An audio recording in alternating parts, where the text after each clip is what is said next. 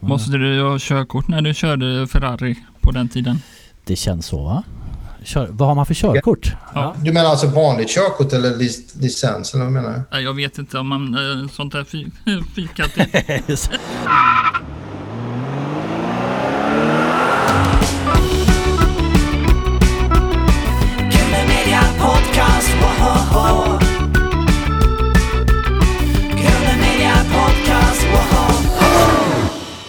Du lyssnar på Grunden Media Podcasten med mig Carl-Magnus Eriksson. Och Erik Jensen. Och eh, ska vi hälsa Stefan Lillövers Johansson välkommen? Ja, Då gör vi det. Välkommen! Tack så mycket. ja, Vi har haft lite racertema här nu Ja. med Tina Turner och så här och då tänkte vi då spinner vi vidare på det. mm, Och vi tycker du är så spännande. Ja. Eh, inte bara för din Formel 1 bakgrund så här. Plötsligt så inser vi att herregud han är konstnär och Ja. en massa annat så där. Så vi är jättenyfikna på dig. Så Ja, vill du göra en presentation för lyssnarna i vår podcast, eh, Stefan Liljeqvist? Ja, min... Eh, mest, ja, hela mitt liv egentligen har ju varit motorsport sen jag var typ åtta år gammal. Så det är egentligen det enda jag har gjort. Jag lämnade skolan rätt tidigt för att försöka bli professionell racerförare. Flyttade till England när jag var 19 år gammal Mm, och lyckades på något vis ro ihop det så jag fick en karriär som racerförare liksom, det har jag gjort hela mitt liv nu egentligen. Och sen på senare år, eller inte egentligen senare år, det har varit en hobby, min konst under många, många, många år. Men alltså på seriöst så har jag eh, börjat göra konst nu då de senaste, eh, kan vara, sju, sju, sex, sju åren eller något sånt. mm, Och, eh, men motorsport är fortfarande en väldigt stor del av mitt liv och eh, jag är manager. Jag slutade köra för fem år sedan. Eh, jag är manager nu åt lite olika förare. Jobbar på, som konsult lite grann på Ferrari, McLaren och ja, där det dyker upp olika saker där de tycker de kan använda min kunskap. Och, och så, så det är egentligen mitt liv i väldigt enkelt utförande. ja, det känns som du är rätt person. Du har en gedigen bakgrund där. Eh, var det bara på 80-talet du körde dina första professionella lopp eller var det innan där? Ja, ja, det kan man säga. Så 80, 1980 var väl det första året jag körde som en betald förare kan man säga. Eh, eh, engelska Formel 3-mästerskapet för Ron Dennis, konstigt nog, innan han ägde McLaren. Mhm, Ja, han blev ägare där till den. Ja. Project 4 på den tiden, hans team. Ja.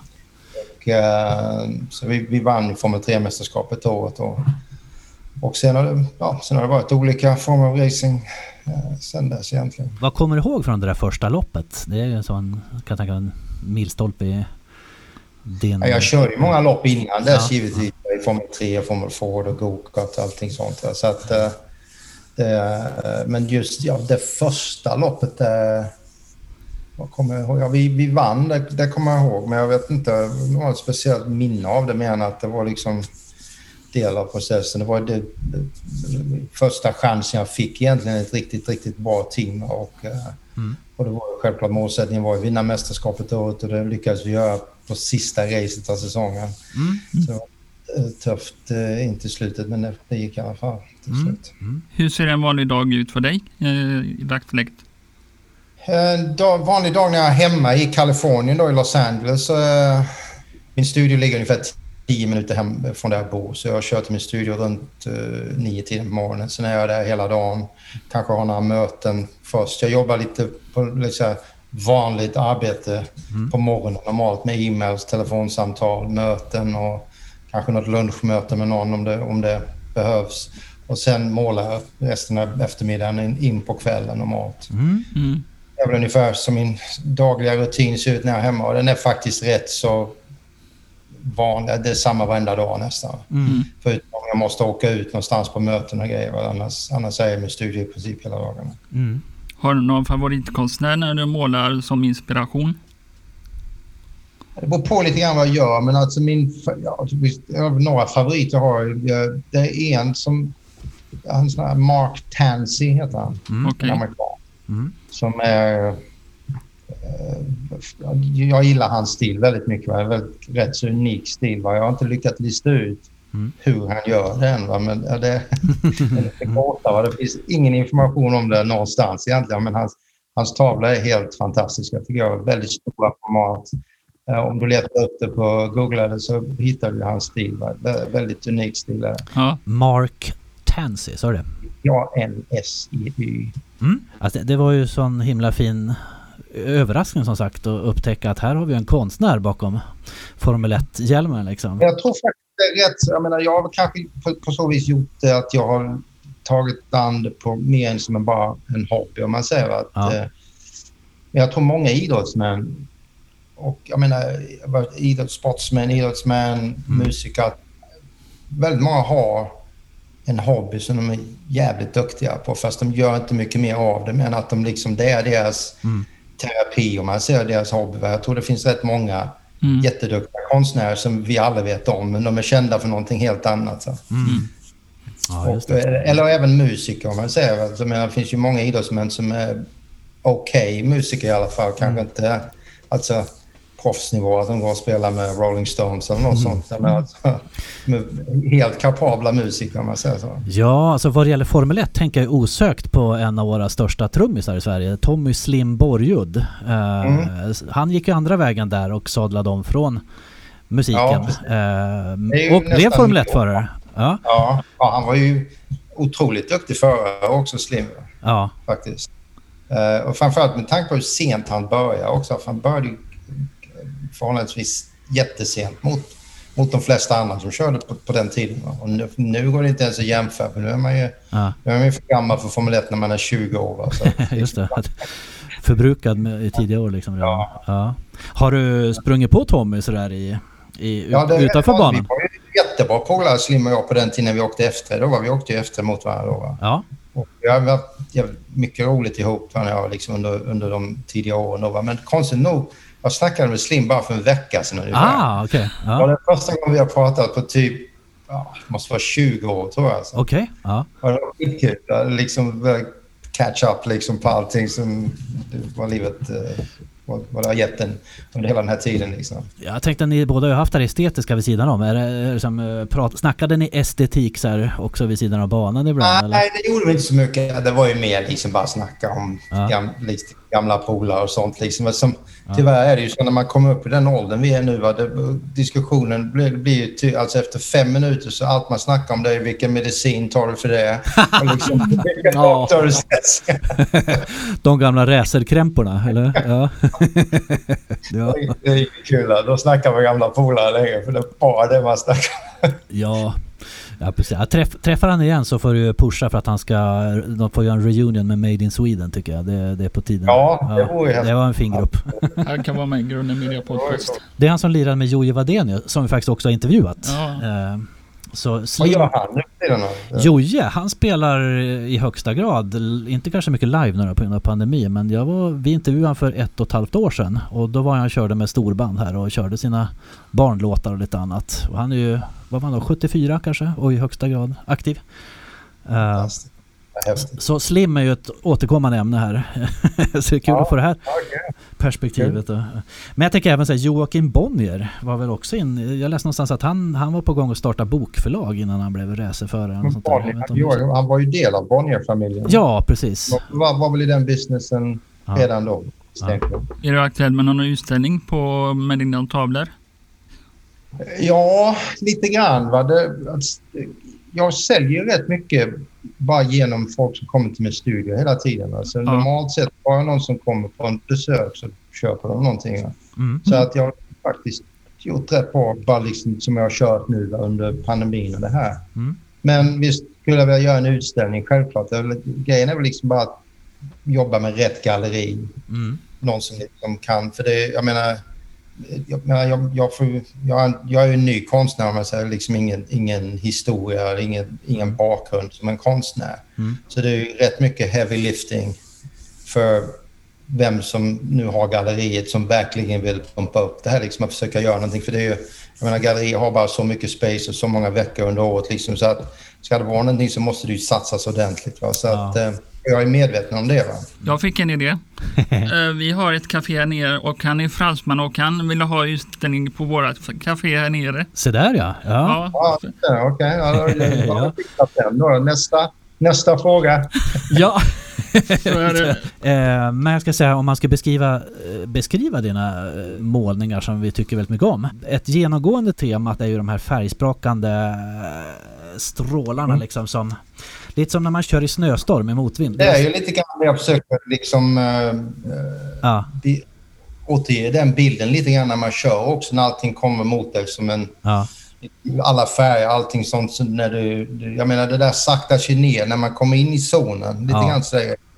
Då blir allting, händer mycket långsammare. ja, Mm. Men på Le Mans till exempel när man kör, det går så sjukt fort på rakerna. ja. Mm. De första fem varven liksom, det är bara som ett blur allting så här. Va? Så Ja.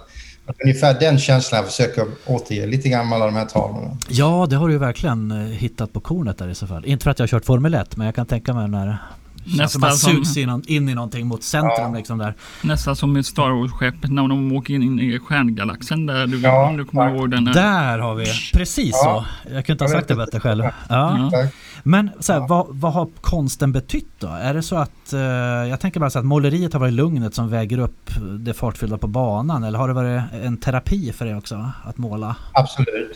Det var ju egentligen så jag började. Jag, jag, jag var alltid intresserad av konst lite grann från rätt ung ålder. Mm. Och när jag började tjäna lite pengar då på racing först va, så började jag samla lite grann på olika tavlor och konstnärer. Så här. Mm. Men det var egentligen när eh, Elio De Angelis var en förare som körde samtidigt som mig då i, i F1-tiden. Vi var väldigt bra kompisar han och jag. Mm. Och eh, vi liksom umgicks hela tiden efter, mellan racen och så här. Mm.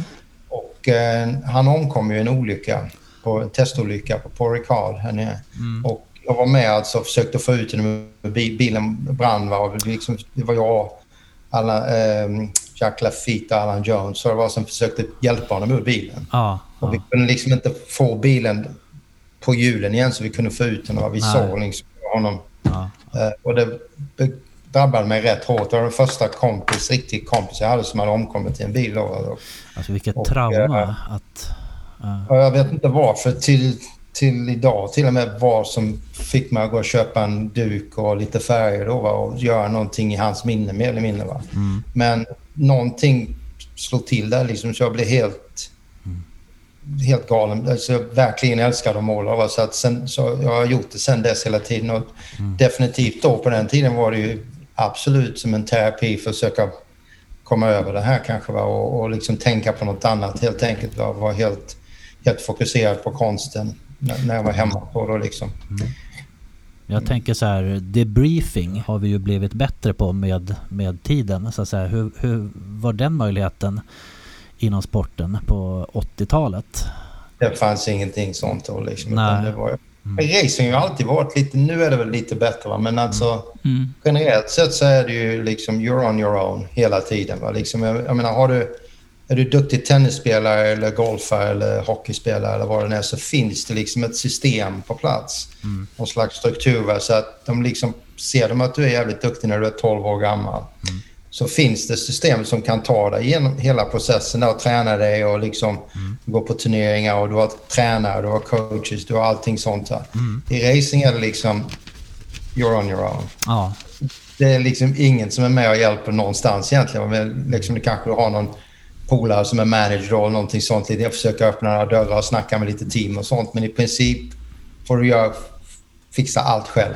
ja, Och det är rätt bra på sätt och vis. För det lär ju, man lär ju sig lite grann om liksom business och mänsklig psykologi. Så här, liksom bara hur man hanterar folk och sånt samtidigt. Va? Så att, för det är man tvungen till helt enkelt. Va? Då lär man precis hur en Formel 1-bil funkar och alla knappar på ratten och så. men också känna Ja, att, att ha det är också.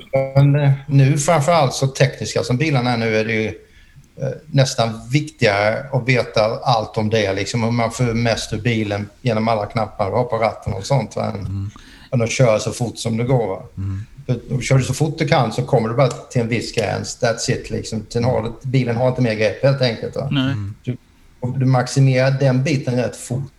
Men sen kommer allt andra. Liksom, Men med all, allting med bilen och sånt. Va? Då hittar du två sekunder till helt plötsligt. Va? ja, Så det är Ja. superviktigt att man vet och kan allt det där liksom och vet att man rör- rör på rätt knapp på rätt tillfälle och allting sånt. Va? Så att det är sjukt mycket mer tekniskt nu än vad det var tidigare. ja. Det låter som det kräver psyke av stål också alltså. Eh, Vilken är din dyraste tavla du har gjort eh, och sålt. Jag, jag, jag säljer mina tavlor för 20 000 dollar nu, de större. Ja. Och det är ungefär gränsen för någon som aldrig har haft liksom en utställning eller en auktion eller någonting sånt. Men det, det funkar rätt bra. Det flesta vill jag betala det. Så. Säljer man dem för 20 stycken, fan också, jag skulle 30 istället. Just det. Man lär sig. Ja. Hur mycket är 20 000 dollar i svenska pengar? Om jag får fråga. Lite under 200 000. Mm. Ungefär eh, 180 000, något sånt tror jag. Vilken är den eh, kändaste kändisen som har köpt eh, en tavla? Ja, det vågar jag inte svara på. Eller vill jag inte svara Ska vi Men tänka mig att en sån som Erland Proust har din Ja, konst på väggen? eh, Vad sa du? Det är, det är rätt kul, för det är rätt många som folk känner till som har köpt grejer. Va? Så Ja. det är rätt kul. Ja. Mm. ja. Jag såg också att du hade ett eh, munskydd som man kunde köpa och kaffekoppar och allt möjligt på din hemsida. Ja. Ja, just det. Mm. Skateboardar. Det, jag gör det lite grann för att just när du snackade innan om utställningar och sånt. Va? Det, det, att bli etablerad den traditionella vägen Ja. i konst idag. Mm. För en vit medelålders straight man är rätt tufft. Ja, just det. Så därför Jobbar, jobbar i motvind. Ja. kommersialisera det jag gör lite mer, framförallt den abstrakta konsten. För Det Ja. är lite mer roligt, det är glada färger och allting sånt. Ja. Och det faktiskt eh, lånar ju sig rätt bra till att göra olika produkter just med den design på. Och då har visat att det faktiskt varit bra för vi har sålt, sålt rätt mycket av allt det. Vi har hållit på att göra mer produkter nu, lite sneakers, Mm. till coola jackor och väskor och lite olika grejer. va. Så att det kommer mer och mer produkter under tiden. ja, häftigt. Får jag beställa en sån kaffekopp? här? Ja, vi får beställa en kaffemugg helt klart. Ja, Ja. de espressokopparna de kommer bli tuffa också, men de är inte klara än. va. Det, det, det, mycket av det här är ju nu produktutveckling och det tar lite tid när man får det rätt som man, man vill ha det. Hur lång tid tar det att göra en sån tavla i bakgrunden? eh, En röd och blå? Eh, de tar ungefär en vecka. Vi Så normalt när jag är hemma i studion så gör jag, jobbar jag kanske på sju, åtta tavlor samtidigt. Mm. De här, för det, det måste, färg måste torka när man lägger på nästa lager och sen får man låta det torka igen och sådär. Så, Mm. Mm. och sen tycker man den är klar, sen går man tillbaka två dagar senare. Fan, den ser för jävligt ut. Man börjar jobba, lite mer på den liksom till den, den känns rätt helt enkelt. Har du det där sporttänket när du målar? Bara att ah, det kan bli lite bättre. Här kan jag, här kan jag lära Ja, någonting. Precis när man ska absolut. tjäna hundradelar. Till slut måste man ju liksom bara säga okej, Ja. That's it. Liksom, nu är det klart. För det är, likadant, det är egentligen lite grann som man jobbar på när man försöker justera in bilarna. Det, Ja. det finns ju ingenting som är en perfekt racerbil. Utan det är alltid något man kan förbättra på den. Va? Så det är Ja. konstant filande. Liksom. Ah, man vill på en kränga mjuk, mjukare fram, ett mer hår på bakvingen. Där, liksom, det är Ja, ja. That's it. Liksom. Nu får vi bara stanna. Liksom. Det blir inte bättre än så här. Då. Nej, annars kan man, då tycker man kan lägga ner sporten om man hittar perfektionen till fullo. Det ska ju vara någonstans man kan sträva till. Men det är lite grann med tavlor likadant. Det går alltid liksom känna man att det, går, äh, det där kan jag göra lite bättre. Det Ja. där blir snyggt. Ja. Sen ibland blir det värre. Då får man, man börja om igen. Liksom, och, Ja, just men det. det är kul. Det är, det är ju del av processen. Va? Det är det som gör att det är roligt också. Podcast! Killer Media Podcast, woho! Ska vi ta och backa det här bandet nu då? Backa Ja. Formel 1-bilen i racerfart.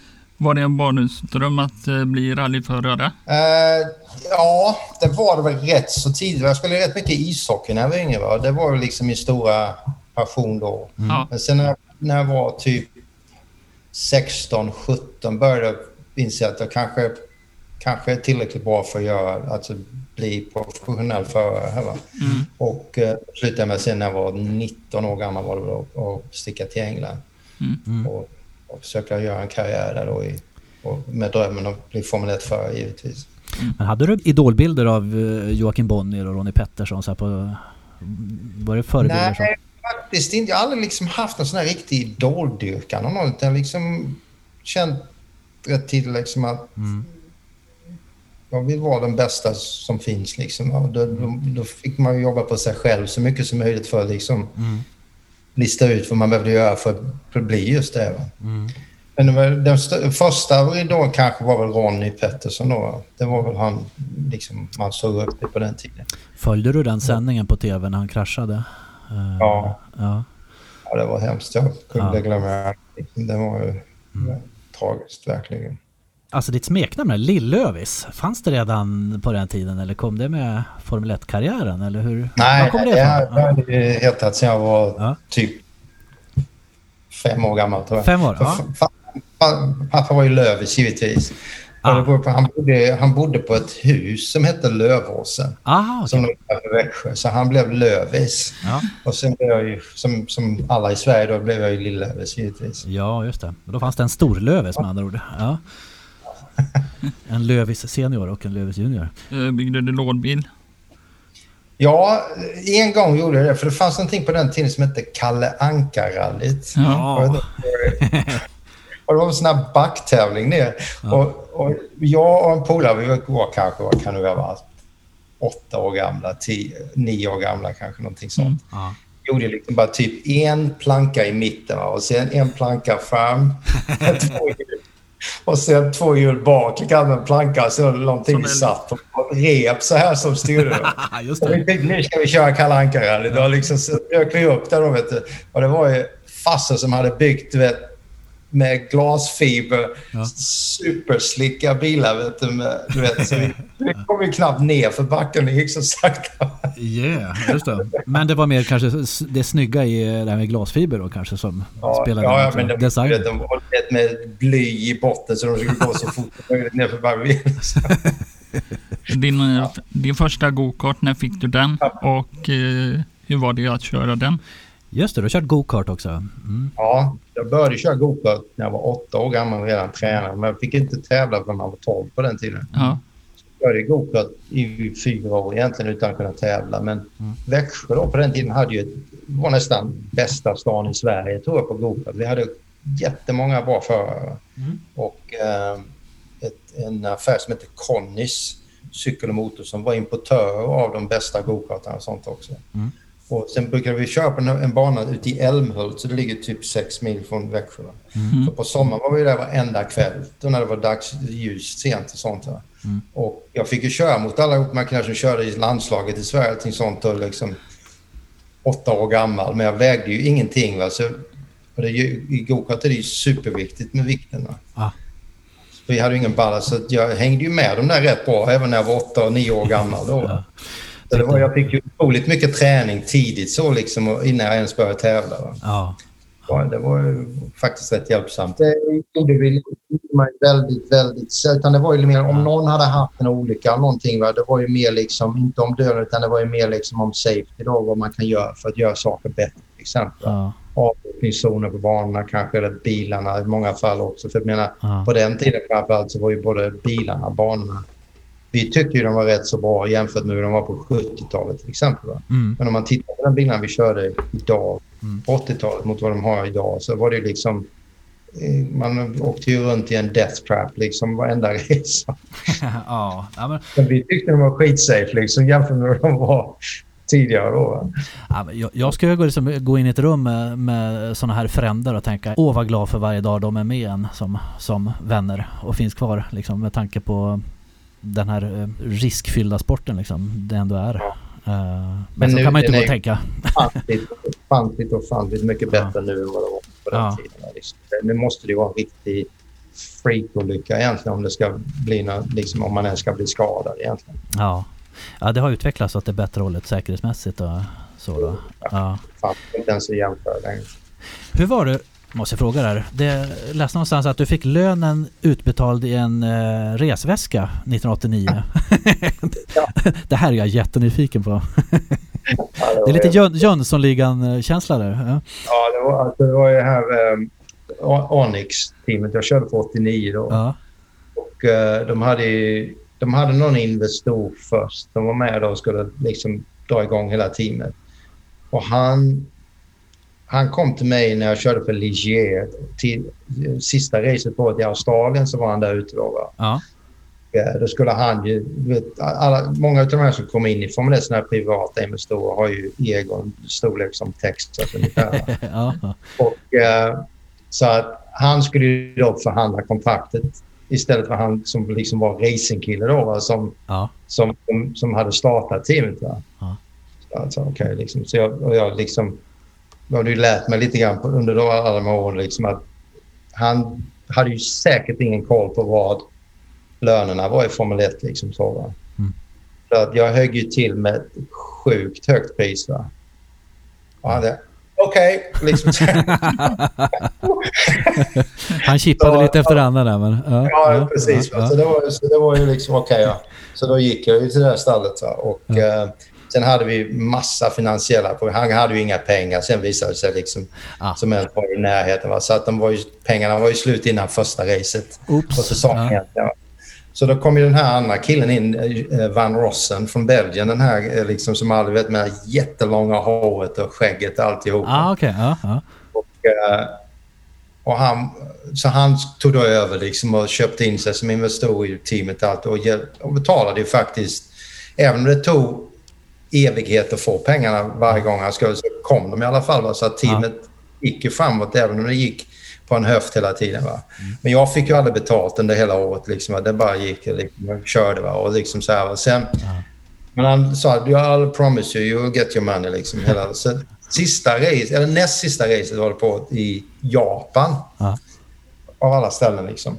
Han flög med sitt privatplan till alla race och sånt här. Va? Härligt. Så, Låt som det där jag, pengarna gick. jag brukar alltid åka ut lite tidigare. Då, typ, så var jag där typ måndagen, kanske ännu tidigare. Jag kommer inte ihåg, ut- eller veckan innan till och med kanske. Race då för att komma över jetlag och sånt här. Va? Så jag var i Tokyo då va? och eh, han visste väl om det. Och så ringer telefonen typ 10 på kvällen någonting. Ja. Liksom, eh, are you in Tokyo? Ja, det är så. Uh, come to the Imperial Hotel now. Uh, I got something for you. Ja, så jag drog över till hotellet där då. Då hade en du vet, fyra rums i, i Imperial Hotel där liksom. Och, i alla fall så gick jag in i hans sovrum och då hade han ett världens, alltså stor resväska full med cash i, belgiska franc. Var det, för det var på den tiden innan det var EU. Va? Så att det var, du vet, en belgisk franc var typ sju franc var en dollar. Va? Ja, Och det, var alltså, och det var alltså en hygglig summa pengar som, som han jag var skyldig. ja, ja. Och, eh, I alla fall, så det hade han alltihop i den här stora resväskan. Men, så, men jag fick inte behålla resväskan. Nej. Utan så vi hade, liksom, hade typ såna här, tre såna här stora jävla laundry bags. Då Lite suspekt att vandra omkring med dem. Ja. När jag lämnade, du vet, genom lobbyn på hotellet och in i taxin till mitt lilla hotell. Sen, Tre jättesäckar liksom. och Ja. väl hade jag en kompis som eh, Ja. var japan som bodde i Tokyo. Ja. Så Att, eh, jag ringer, du måste komma och hjälpa mig. Så, liksom, vad ska jag göra med det här? Liksom. Men så, vi laddade in det på hans konto så skickade han hem det till mig. Vilken syn tänkte jag när du går där med de Ja. säckarna. Här finns inget att se, skingra er. Så här. Exakt. det, finns, det är inget suspekt här. Nej. Ja, du fick ju din årslön där då, liksom på, en, på ett bräde. Det var ju... Han stod, va? han stod allt han lovade. Det gjorde han hela tiden faktiskt. Alla tyckte han var helt galen, va? men han var, Ja. han hade, alltså, han var schysst. När du Gillade pra- och uppskattade. Det låter som det gick åt en del pengar också med lyxsviter och jumbojet och Ja, sådär. Så det var han, rätt eh, rolig historia med honom ja, också. För när vi hade teamet där då så hade vi... Hade han börjat få upp diskussioner med Porsche Ja, om att göra en, en ny motor, en ny F1-motor. ja, Och eh, de var intresserade. De ville göra en V12 då, va, som, som han skulle stå för alla finanserna till det då, va, göra, så att vi skulle använda den motorn följande år. Så att vi satte upp ett möte då med Porsche i Tyskland på Weissach där nere. Och, eh, så jag flög ner där och Alan Jenkins som var chefsdesignern. Mm. Och sen skulle Van Rossen komma dit också då. Eh, mötet. Han flög in med sitt eget plan. Och sen var det hela, hela jävla ledningen på Porsche då. Alltså högsta chefen, tekniska chefen. Och vet, de är tyskar då, vet, med slips och kavaj och hela grejen. Och vi försökte liksom likadant med oss. Va. Sen kommer Van Rossen vet med i sin någon limo då som hade tagit dit honom liksom så här va, och Ja. kliver ur bilen. Och jag glömmer aldrig liksom synen på de här tyskarna. I Adidas träningsbrallor. på en t-shirt som liksom var ett gap. Här på magen, typ 15 centimeter skap. Det här Oj, oj, oj. En, en, en topp nästan? Ja. Alla jag vi tittade på var liksom, ah, fan det ligger bra vi åker hem nu. Liksom. Um, o- färgstark profil får man säga. eh, Ja, vis där. det kan man minst Han säga om ut. Ja. Helt otrolig alltså. Unik man. Ja, ja, fantastiskt att höra. Eh, Alltså, vad, vad är skillnaden om du jämför Formel 1 idag jämfört med 80-talet? Alltså allt, det är ju, allting är ju... Framförallt Ja. är det väl teknologin som är, Ja. som är helt menar, det är ju så otroligt avancerad teknologi nu i Formel 1. Genom, Mycket genom elektronik också, vilket ju spelar stor roll nu. Va? Mycket, mycket större roll. Aerodynamiken, allting liksom med material, mycket bättre material och sånt. va. Men det, den största skillnaden är väl dels all elektronik då och sen aerodynamiken framförallt. Mm. Men just hur stort det har blivit, liksom hela, hela processen. Jag menar, när jag körde för Ferrari så tror jag deras budget låg på 30 miljoner dollar. Det tyckte man ju var så sjukt mycket pengar på den tiden. Va? Mm. Hur kan de spendera allt det på ett F1-team? Så här, va? Nu ligger det ju runt typ 500 miljoner dollar om året. Va? Gisses, ja. Det är Må- svindlande summor. Ja. Måste du ha körkort när du körde Ferrari på den tiden? Det känns så va? Kör, vad har man för körkort? Ja. Du menar alltså vanligt körkort eller lic licens? Eller vad menar du? Nej, Jag vet inte om man eh, sånt där i Lastbilskort kanske? Ja. B-körkort. Ja, jag kan berätta en. När jag körde för Ferrari då så bodde jag i Monaco. Ja. Så jag brukade åka då tidigt, tidigt på morgnarna när vi skulle testa. Stack jag från Monaco typ sex på morgonen. Ja. Då var jag nere på Mar- Maranello typ tio på morgonen. Ja. Så jag brukade, och det var ju aldrig någon trafik. Så jag körde genom tunnlarna, genom genom passet och det hela vägen ner. Ja. Och så kom jag runt en sväng. Då var det en traf, sån här hastighetskontroll, eller trafikkontroll. Ja. Eh, Så jag blev... eh, De liksom plockade in mig då. Va? Så, Jag hade en BMW 635 CLC på, på den tiden. Och den var ju rätt, rätt schysst bil på den tiden. Mm. Eh, I alla fall så uh, licensen och liksom, Johansson. Ferrari. Wait a minute, wait a moment, wait a moment. Sen gav han och så, han som hade radar, eh, den här radarpistolen då, typ en halv kilometer vad det var, längre ner där då. Så, så sa han till honom att blockera hela motorvägen. Nej. Han körde förbi med, med ljusen på. Liksom. Och sen ville han att jag skulle linea upp då och göra en F1-start. Nej. Coolt, eh, häftigt. Så jag står där med min BMW. Wong, wong, wong, wong, wong, så här liksom. Och, och sen tar han upp sin, sin sån här, vad heter det? Eh, Alltså, någon- näsduk, ja. servett, så här. Ja, servett. Ja.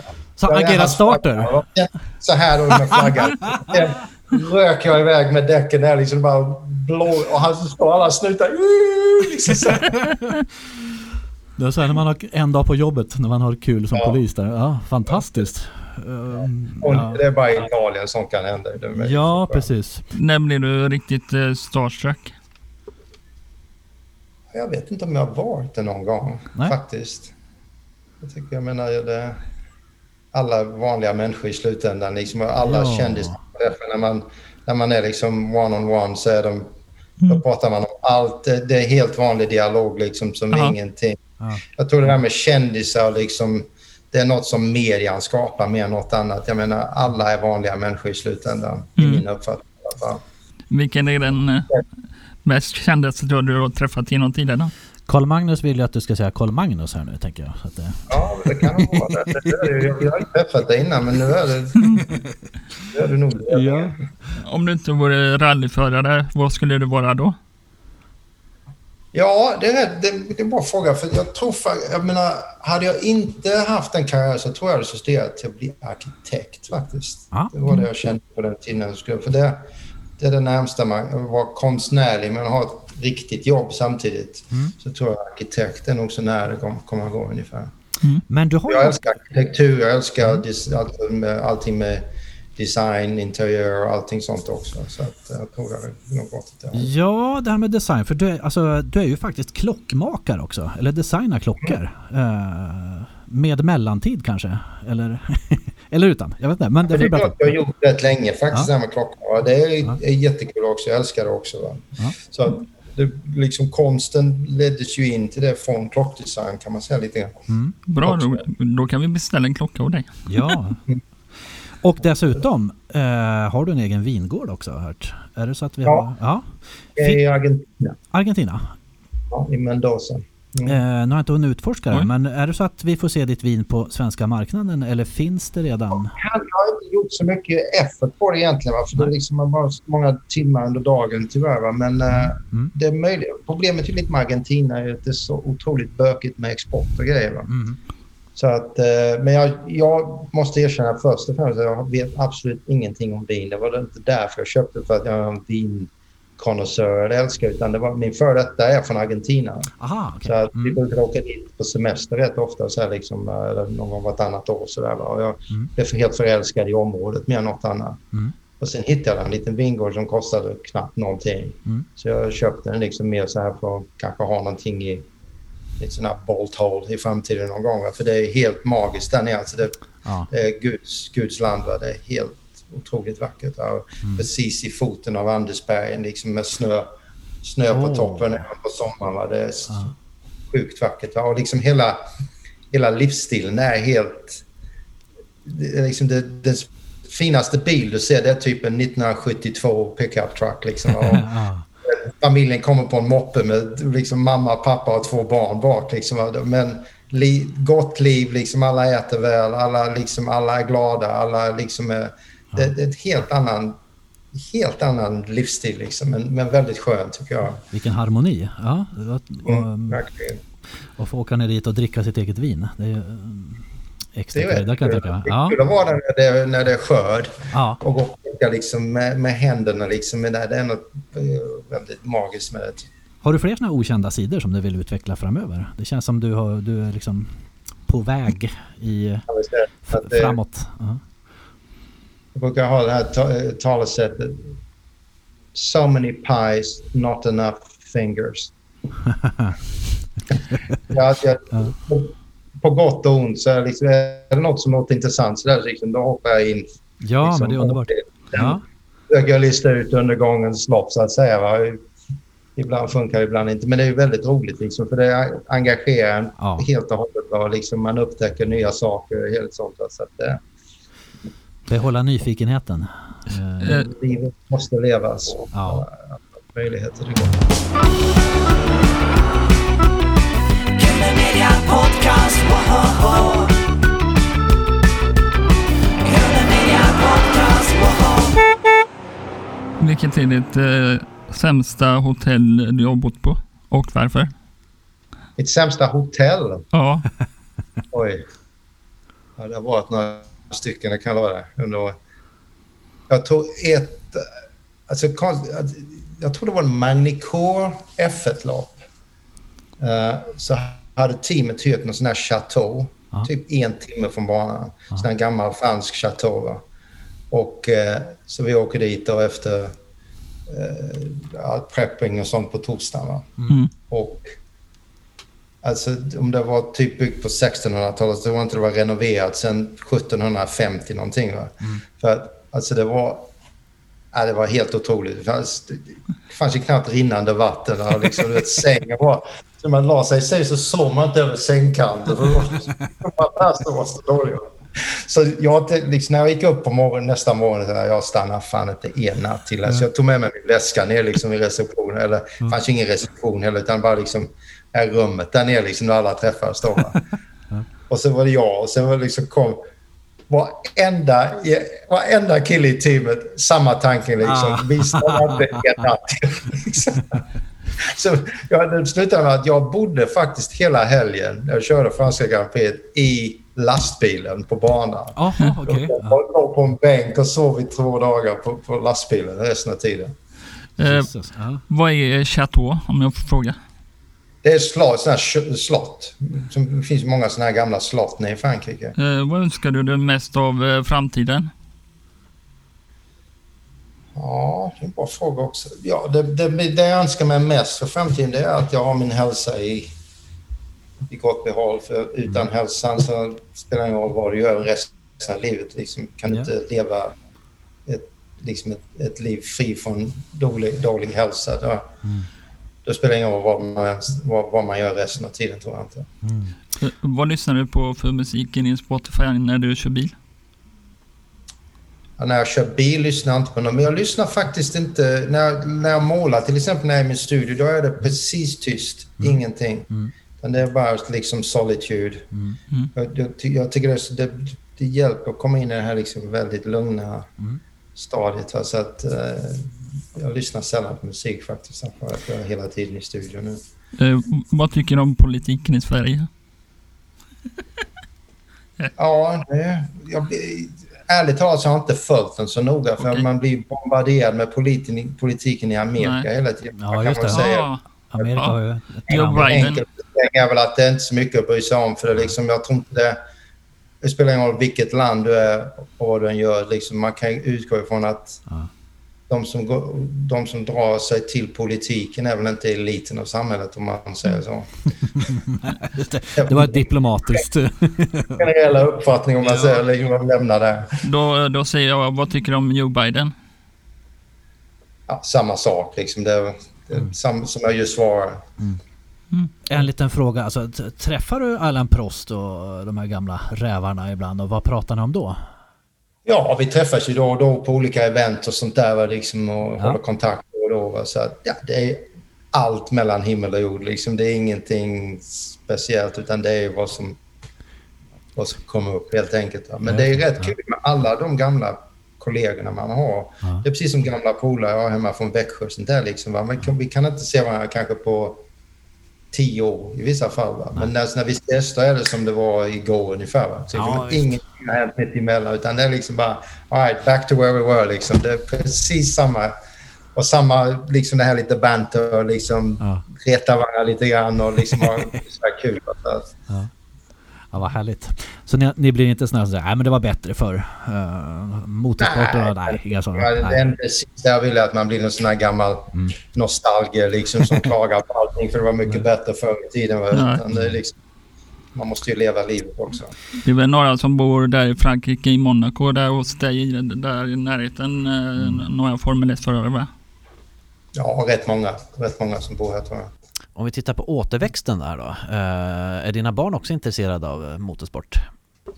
Nej, det är de faktiskt inte. Min son han är, han är 21 nu och han har liksom aldrig haft något riktigt intresse. Nej. Tills för typ ett år sedan. Jag skaffade en sån här simulator så han började köra på det och det skulle jag inte ha gjort för nu är han ju helt taggad. Ah, Coolt. Det var ju fan coolt, va. Så några veckor sedan här. va. Så nu är det liksom... ah, nu ska vi börja igen. Det du, Nej, det är, kul. det är jättekul. Det är, det är skoj liksom. Och det är, Stefan Lillövs Johansson. Det kunde du köpt Ja. här till mig, då kunde jag suttit här på grunden. Och ha en simulator här. Ja, Vi, Ja. får, vi får spara till en. tänker jag Ja. så. Stefan. eh, Ja. Det är ju så att vi brukar avrunda med dels den här följdfrågan eh, som är från Tina Turner. Då skulle följdfråga vara, eller den fråga jag skulle vilja ställa till honom, det är nog hur han ser att eh, motorsporten, alltså vad han ser, tror om motorsportens framtid. Det är svårt att säga. Alltså, det är väldigt svårt att säga. Det är en väldigt... Det är en stor fråga, verkligen. Jag är lite bekymrad, måste jag säga, för motorsportens framtid. För jag tror att nå- sånt grejer måste ändra. Det måste bli mer entertainment. Men jag tror problemet är att den nya generationen har inte något intresse av bilar ens i närheten av vad, de, vad vi hade på vår tid så att säga. Va? För att det finns mycket annat nu som, som drar, drar deras uppmärksamhet. Med social media och allt, allt, allt runt omkring så här. Jag menar, när jag växte upp i alla fall, det var ju liksom drömmen var ju att få körkort. Så man kunde köra, och liksom den här friheten man hade när man hade en bil helt plötsligt. Jag menar min dotter, min äldsta dotter, hon är 30 år gammal, hon har inget körkort fortfarande. Så vad fan ska jag ha körkort till? Liksom, jag behöver inte någon körkort. Liksom, jag jag hyr en cykel liksom, som står här nere eller har jag bussen eller något. Jag hade liksom noll intresse va, för, för just den, den biten.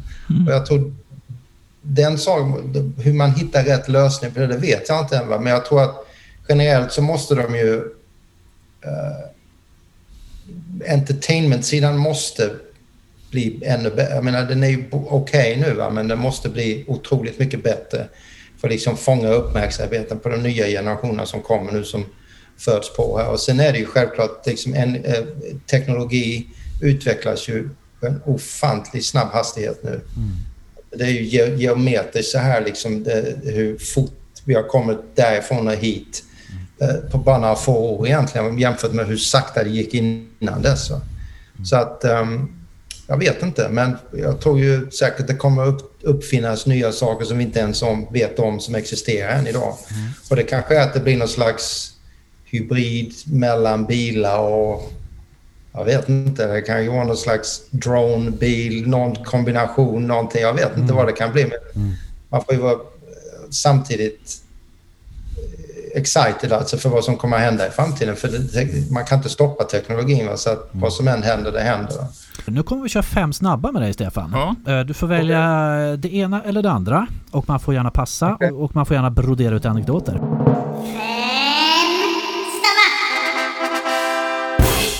Marlon Brando eller James Dean? Brando, Ferrari eller BMW? Ferrari, Los Angeles eller Monaco? Los Angeles. Det är rätt svar. Silverstonebanan eller Anderstorp? Uh, svår fråga. Vad sa du? Silverstone. Silverstone. Facebook eller Instagram? Kan man få säga inget av dem? Självklart. Du får välja. Eh, Formel 1 eller konst? Konst. Motorolja eller oljefärg? Ja, det är ungefär det. Är oljefärg. Sommarväglag eller vinterväglag då? Sommarväglag. Ja, det var det vi ville komma till. Du får njuta helt enkelt av sommarväglaget här nu i sommar. I- Och i eh, Frankrike. styra, ko, styra kosan förbi eh, Växjö och eh, svenska skärgården Jajamän. när det blir läge. Ja. Och så hoppas vi att vi kan se lite av dina tavlor. På, Ja. på vårt café här. Ja. Och du fick välja någon annan Formel 1-förare som du har kontakt med. Men skulle det vara i så fall, Eh, eh, till att bli intervjuad menar du? Eller? ja, när vi kommer tillbaka efter semestern. Vi nischar oss enormt här mot Formel 1-sporten. Jag är inne på Formel 1. Enda- Har ni, har ni intervjuat? Marcus är väl den enda som har kört Formel 1 efter mig. Så det, Marcus Nej. Eriksson. Ja, ska vi se om vi får tag i Marcus Eriksson då. Stefan, tusen tack för att vi fick eh, låna dig. Lycka till med eh, sporten och konsten. Och Ja, Lyssna gärna på vår podcast. ja, sköt om er nu. Hej då! Tack så mycket. Hej då! Hej, hej, hej. Hej då.